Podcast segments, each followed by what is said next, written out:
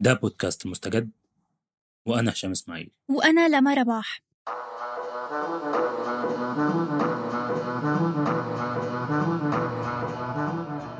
في الموسم الثاني من المستجد رح نكون معكم إحنا فريق صوت. كل مرة رح نحكي عن موضوع جديد عن خبر مهم قرأناه بالأخبار ونحاول نفهم التفاصيل. اليوم حلقتنا من بيروت المدينة اللي عم تتعافى من الكارثة. صورة لسحابة مهولة تشبه عيش الغراب الأبيض والأسود. صورة لسحابة فوق مدينة هيروشيما على الشمال وصورة تانية لمدينة ناكازاكي على اليمين.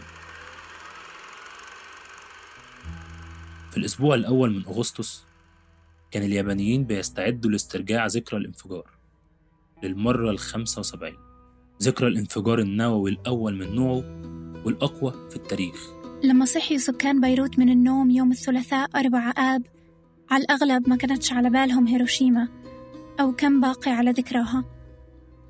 غالبا كانوا رح يسمعوا عنها في تقرير إخباري في التلفزيون. هذا لو كان في كهرباء في هذاك اليوم. في حاجات كتير بتشغل اللبنانيين الأيام دي.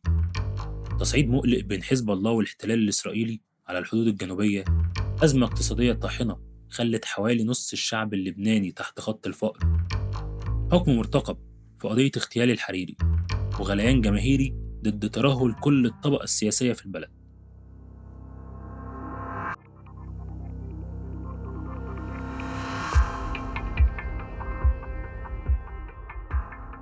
في أربعة آب 2020 الساعة ستة وتسع دقائق في مساء عادي في بيروت. يا شباب البور ولع وعم يبجر كله عم يبجر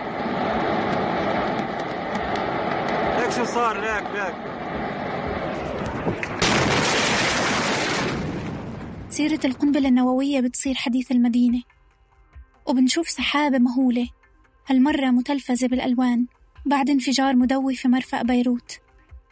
الصدمة شلت التفكير اللي عاشه هاللحظة. أنا ما بعرف شو اللي صار. أنا كنت طالع عم بتصيد.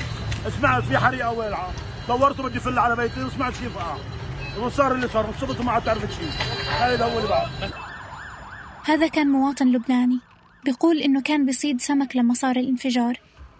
عمل هاي المقابلة قبل حتى ما يمسح الدم عن وجهه وأوعيه انسمع صوت انفجار بيروت في قبرص على بعد 230 كيلو متر من بيروت. بس صدى الانفجار كان بالحقيقة أصعب. في فوت يا عذرا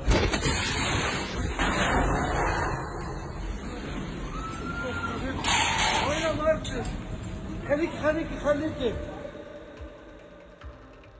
بعد سبعة أيام من الحادثة وقت كتابة الحلقة دي بقى عندنا تصور أوضح لإيه اللي حصل وليه حصل. وده اللي هنحاول نستكشفه في حلقتنا.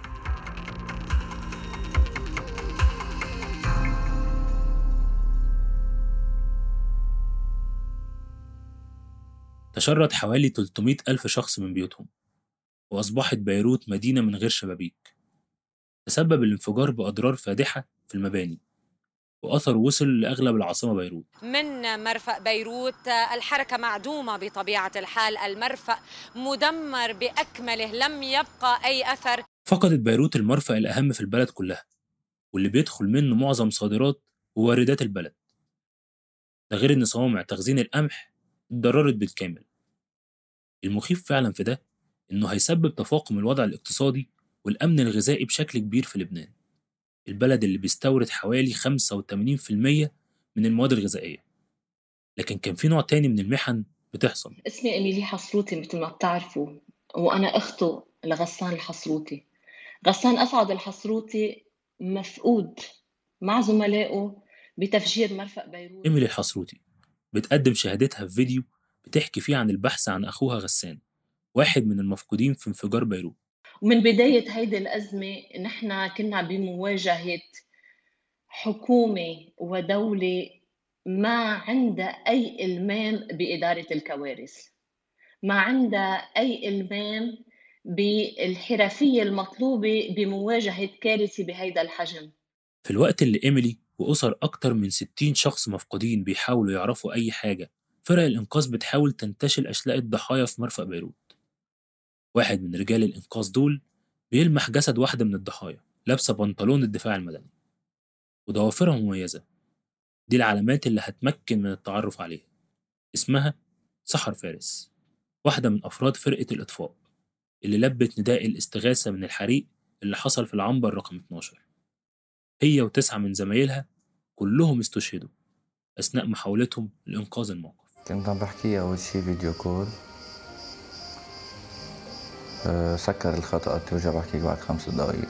دقت لي من ال ambulance. قالت لي باي. أه وصلت هي على البور بعتت لي الفيديو. سحر اللي كانت لسه بتبدأ كل حاجة كانت لسه في بدايتها في فوج الإطفاء اللي دخلته في 2018 وكانت المفروض تكون عروسة الصيف ده. واللي سمعناه ده كان خطيبها. الشهداء وصلوا لأكتر من 200 والجرحى حوالي 6000 جريح. بدي بس أقول لكم أوتيل ديو ما بقى فيها تستقبل. ابدا ولا حالة ولا حالة. أربع مستشفيات كبيرة في بيروت اتضررت بشكل كبير وثلاثة منها خرجت من الخدمة.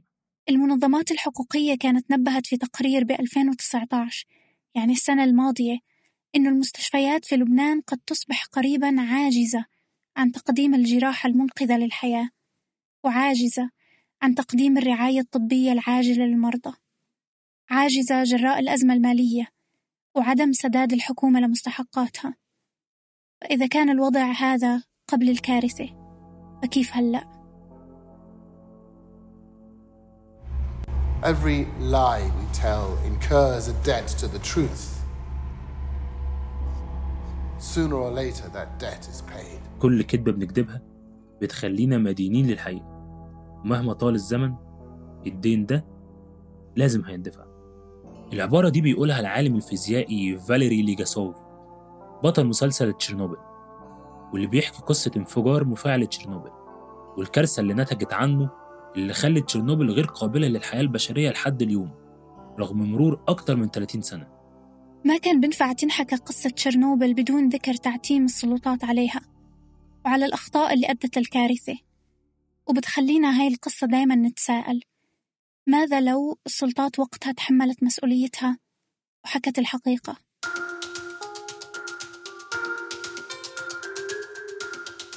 قصة انفجار بيروت بتبدأ باتصال من رجل أعمال روسي عايش في قبرص مطرح ما هيوصل ضوء الانفجار بعد ست سنين من المكالمة دي. رجل الأعمال الروسي جريتشوشكين بيكلم ربان سفينة روسي برضه اسمه بروكشييف وبيعرض عليه يطلع على تركيا حالا ويتولى قيادة سفينة الشحن اللي اسمها روسوس وينقل شحنة نترة الأمونيوم. هاي المادة تستخدم كسماد وكمان بتساهم في صناعة متفجرات. تستخدمها شركات التعدين مثلا. وكانت السفينة روسوس حملتها لميناء في موزمبيق. وقبل أن تكمل السفينة وجهتها تعرضت لمشاكل فنية ما اضطرها لأن ترسو في مرفأ بيروت. وقد منعتها السلطات اللبنانية من الإبحار. بعد هذا العطل تخلى جريتشوشكين عن السفينة وتخلف عن دفع أجور طاقمها. وبسبب مخاطر بقاء مادة كنترات الأمونيوم على متن السفينة قامت السلطات في مرفأ بيروت بتفريغ الحمولة في مخازن المرفأ حيث ظلت هناك لسنوات في انتظار إجراء مزاد عليها أو النظر في التصرف المناسب بشأنها. يعني نترات الأمونيوم بتفضل في الآخر في بيروت وفي يوم 4 أغسطس بعد ست سنين بيجي عمال لحام عشان يسدوا فجوة في العنبر رقم 12 المليان بأطنان من مادة نترات الأمونيوم المتفجرة. وبيحصل حريق. شو بدي أقول؟ أول ضربة سمعنا صوت طيران. قلنا قصفت البناية. طرنا من المطبخ للدار. تاني ضربة اجت التاني. ورا بعضهم. ظرف ثلاث دقايق. طرنا. طرنا. هذا ما كان حادث مؤسف وبس. بالضبط مثل تشيرنوبل كان ممكن يضل يوم أربعة آب يوم صيفي عادي ببيروت. نشرت وثائق بعد الانفجار بكم ساعة. بتقول إنه مسؤولي الجمارك بعتوا رسائل للقضاء. بيطلبوا فيها توجيهات للتعامل مع الشحنة المخزنة والخطيرة. راسلوهم ست مرات بين 2014 و 2017 وبيقولوا الموظفين في الجمارك اللبنانية إنه تم تجاهلهم. على الجهة التانية في رواية من مصادر قضائية بتقول إن القضاء ما أيدش تصرف مدير المينا والمينا مش محتاجة إذن المحكمة عشان تتصرف في الحمولة ولا تنقلها أو تتلفها. لكن تحذيرات الجمارك ما كانتش التحذيرات الوحيدة بشأن كمية نترات الأمونيوم. مديرية العتاد في الجيش كشفت على عينات من المواد المخزنة في العنبر 12 سنة 2015 ولقت إن تركيز النيتروجين فيها نسبته عالية وده معناه إنها مواد تعتبر تدميرية وشديدة الحساسية. فوق ده جهاز أمن الدولة عمل تقرير في ديسمبر 2019 اتكلم فيه عن الخطورة الحقيقية للمواد دي وتم رفعه للقضاء ورئاسة الحكومة ومديرية المخابرات ومديرية الجمارك. لكن المواد دي فضلت متخزنة زي ما هي.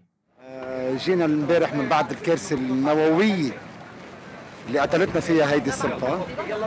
جينا التقينا طلعنا بمبادرة لأنه الدولة غايبة آخر همنا عملنا الخيم هون وجانا نداء للشعب اللبناني اللي بيقدر يعطي تبرعات لكل العيال المنكوبة بجميزة بالأشرفية بالرمال بالكارنتينا برش حمود الدورة مشان نقدر نساعدهم قدر الممكن. عم نساعد بكل شيء حتى بالنايلون للعزاز للشبابيك بالتلزيق كل شيء مواد غذائية معلبات ثاني يوم بعد الانفجار كان الركام لسه على الأرض والدخان بالجو والناس لسه بتبحث عن الأحباب المفقودين. لملموا الناس جراحهم رغم كل هاد ونزلوا على الشوارع والحارات للتطوع. كان كل واحد فيهم بيحاول يقدم حاجة من مكانه. انتشرت صورة للممرضة باميلا زينون وفي حضنها ثلاث أطفال رضع أنقذتهم من ركام الانفجار. يعني صرنا عم نبرم نشوف من وين فينا نظهر. صرنا نسمع صريخ من بعيد. صاروا عم يرجعوا يجوا ويجربوا يشيلوا كمان شوية ركام ليوصلوا لنا لنقدر نحن نظهر.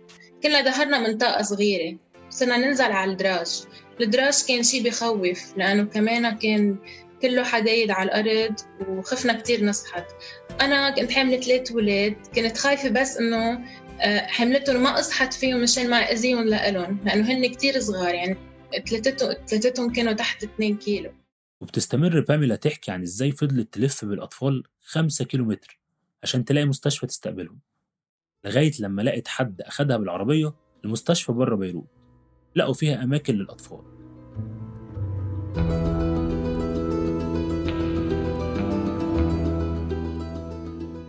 هذا بس جانب واحد من أنواع المساعدة والتضامن اللي ردوا فيها سكان بيروت على الكارثة. تبرعات وتنظيف شوارع وعرض لمساكن مجانا للناس اللي فقدت بيوتها وتوزيع وجبات تبرع بالدم وغيره وغيره. وهذا كله امتداد لحركة التضامن العامة اللي شفناها من بداية الأزمة الاقتصادية. وأثناء هذا التضامن كان عم ينبنى ويتصاعد الحراك السياسي.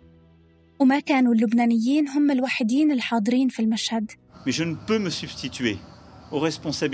لا يمكن أن نحل مكان حكومة منتخبة ورئيس منتخب.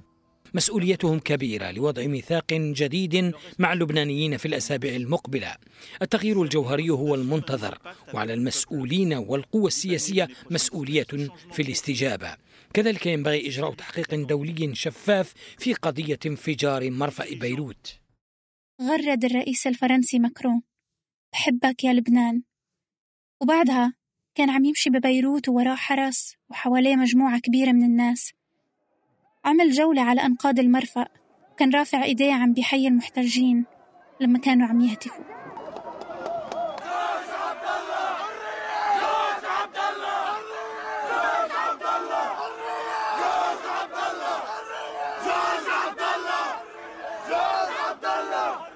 ماكرون جورج عبد الله كانوا المحتجين عم يهتفوا لجورج عبد الله وهو معتقل سياسي لبناني في السجون الفرنسية من سنة 1984 خلقت عريضة إلكترونية وقع عليها أكثر من 55 ألف لبناني الجدل. تدعو العريضة لعودة الانتداب الفرنسي بالتزامن مع زيارة ماكرون. بتعكس مقدار انعدام الثقة في الطبقة السياسية اللبنانية بين الناس لدرجة إنهم فضلوا الاستعمار عليها. لكن زيارته أثارت غضب كتير من اللبنانيين وانتقدوا تعريف التعامل مع لبنان. باعتبارها جزء من نصيب فرنسا في المنطقة. في صحفيين ومحللين بيقولوا إن زيارة الرئيس ماكرون مش هدفها تقديم إنقاذ سياسي أو مساعدات مالية لتجاوز أضرار انفجار بيروت بس. ما نقدرش نفصلها عن الصراع الإقليمي اللي حاصل في شرق المتوسط واللي فرنسا جزء منه طبعا. مش بس هي ظهرت قوة سياسية تانية بعد الانفجار لإنقاذ الموقف.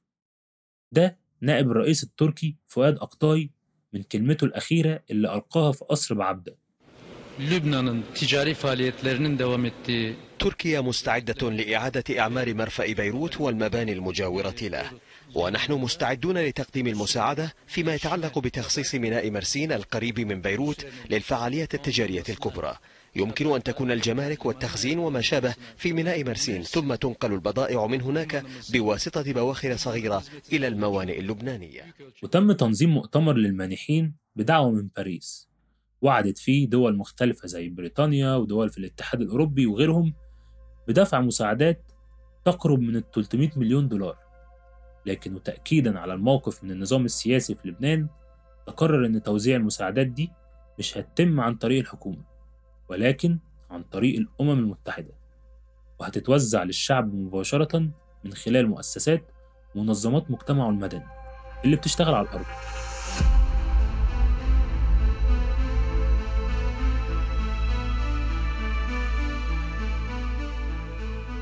نحن لا شيء بعد اليوم ولذلك سنقتلكم. ليس لأنه لم يعد لدينا ما نخسره. بل لأنه لم يعد هناك ما نفعله إلا قتلكم. سنلملم الزجاج من الشوارع وسنحتفظ به بأيادينا وعندما يأتي النهار سنملأ قبوركم به. ده كان ختام مقال كتبه سامي الفرنجية.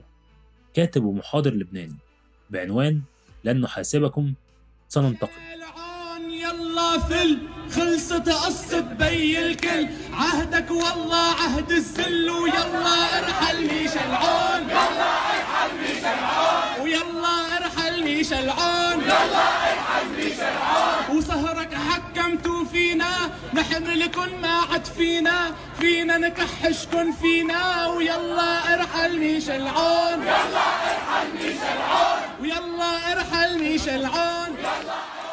توجهت جموع الناس الغاضبة لساحة الشهداء ضد الطائفية وكل الطبقة السياسية. ومن سابق النواب كله سارق ونصاب الحرية صارت على الباب. يلا فلوا يا نواب. يلا فلوا يا نواب.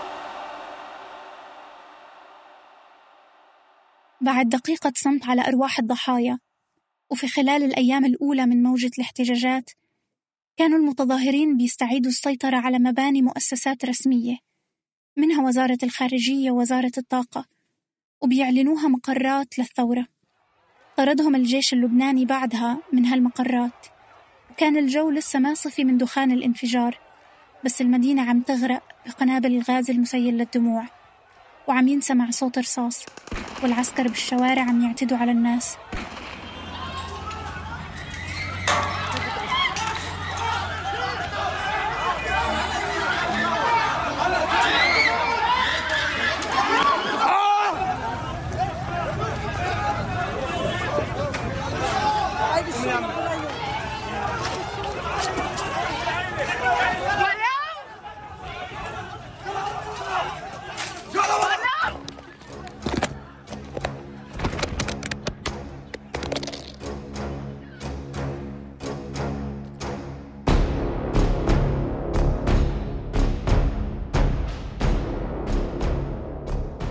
بس بقية الشعارات هي هي مطالبة بإسقاط الحكومة ومساءلتها وبإسقاط منظومة الفساد وتعليق المشانق لإخفاقاتها.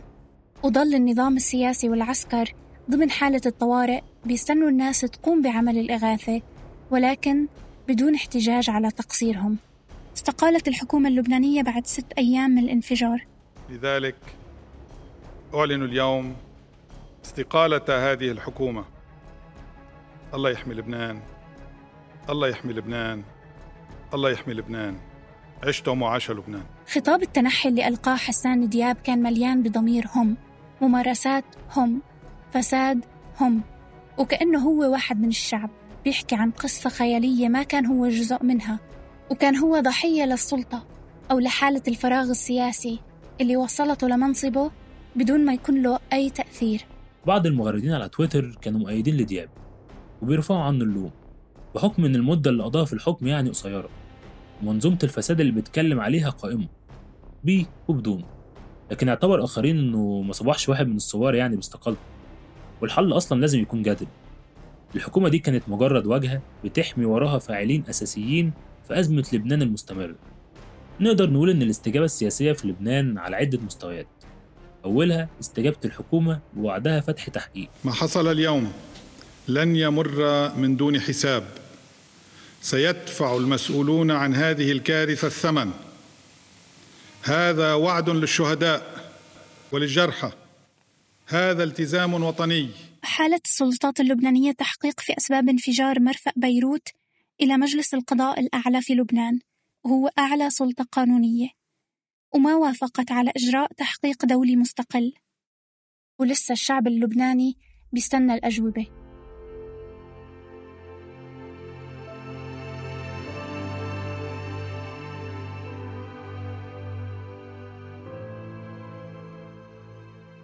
المدينة هدأت شوي ورح ترجع تلملم الأنقاض وتستجمع قواها وتكنس الشوارع وتبدأ من جديد. ورح تبقى هاي الكارثة في ذاكرة اللبنانيين لأجيال جاي بينما النظام السياسي لساته منشغل بخلافاته. بيتصرف حسب مصالحه أولا وأخيرا وهذا الانفجار كان بس تذكير بهاي الحقيقة.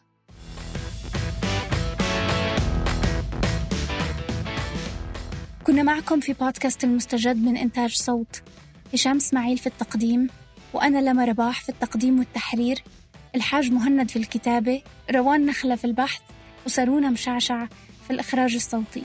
ما تنسوش تشتركوا في قناة بودكاست المستجد على منصة البودكاست اللي بتفضلوها عشان تتابعوا حلقاتنا اللي جاية.